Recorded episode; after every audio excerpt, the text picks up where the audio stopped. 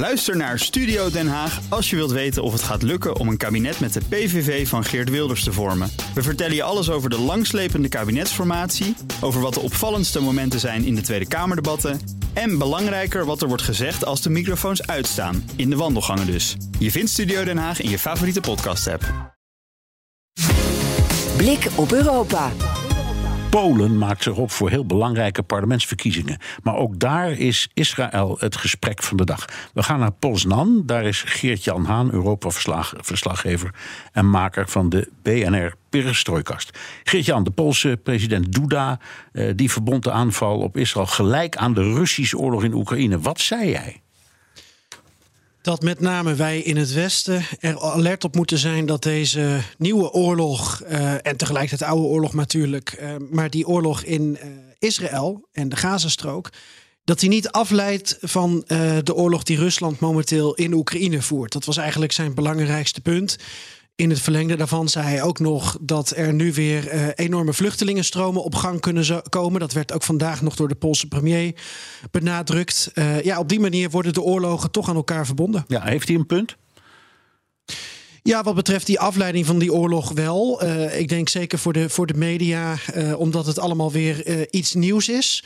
Maar dan ken je Zelensky natuurlijk nog niet. Of inmiddels kennen we hem wel. Want wat doet hij? Die duikt er gelijk bovenop, Bernard. Die komt onverwacht naar Brussel toe deze week voor het Ramstein-overleg. Um, het defensieoverleg waar hij normaal een minister naartoe stuurt. Om te kijken of er weer steunpakketten voor Oekraïne beschikbaar zijn. Nu komt hij zelf, is een NAVO-top aangekoppeld. En um, ja, hij is daar en hij doet dat slim. Want hij praat ook naar Israël toe op een respectvolle manier. I remember the first days of our full scale war.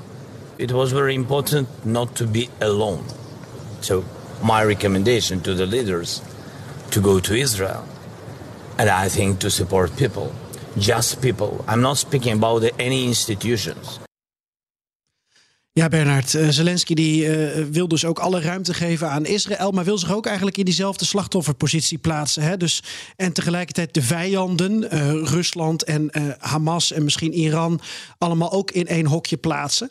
Nou, als we kijken naar die aandacht voor um, Israël en Oekraïne, eigenlijk zie je in ons land dat premier Rutte die lijn ook volgt, wil aangeven dat Israël alle steun van Nederland geniet. Um, maar ik denk ook dat hij um, richting Oekraïne dat wil blijven doen. Hij is vandaag hier in Polen bij Sobibor. Jaarlijkse herdenking van de opstand. Dit keer exact 80 jaar geleden. Daar zijn gruwelijke dingen gebeurd. Um, maar het zou me niet verbazen als Rutte misschien nog doorreist naar Oekraïne. Hij is aan de grens. Hij is nog uh, premier voor de verkiezingen in Nederland. Dus nog één keer naar Oekraïne als premier, als een steunbetuiging.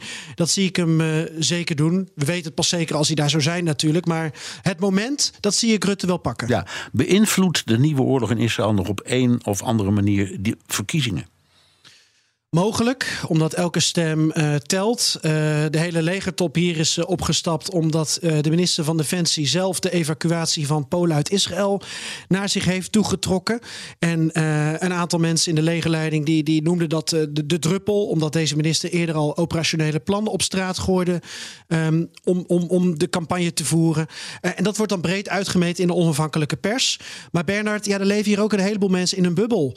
die kijken naar de, ik noem het maar even, de staatstv de aangestuurde kranten. Dus die krijgen dat dan veel minder of op een andere manier mee. Dus of dat echt invloed op de verkiezingen heeft, dat waag ik te betwijfelen. Oké, je bent daar voor de Poolse verkiezingen. Wie gaat winnen? Ik denk dat de regeringspartij PiS gaat winnen. Maar dat het vooral belangrijk wordt om te kijken naar of drie oppositiepartijen, waarbij de grootste onder leiding staat van Donald Tusk, uh, of die genoeg stemmen kunnen halen om een uh, meerderheid te vormen. Dat wordt denk ik de inzet. En daar gaan we dit weekend uitgebreid verslag van doen, zowel op BNR als in, in BNR Perestrooikast. Oké, en dat doe je samen met je maatje Floris Akkerman. Is die daar al? Ja, die reist op dit moment uh, met de trein uh, richting Warschau. Ik zit in Poznan en vanaf morgen ontmoeten we elkaar. We willen eigenlijk ook nog wel even kijken aan de grens van Polen... of met Belarus of met Oekraïne... om dat thema veiligheid eruit te pikken.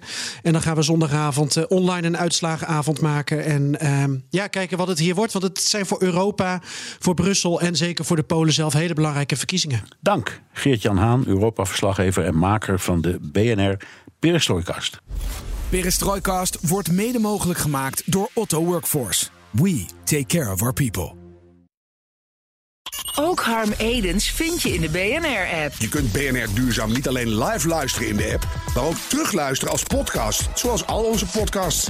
En naast dat de BNR-app Breaking News meldt, houden we je ook op de hoogte van het laatste zakelijke nieuws. Download nu de gratis BNR-app en blijf scherp.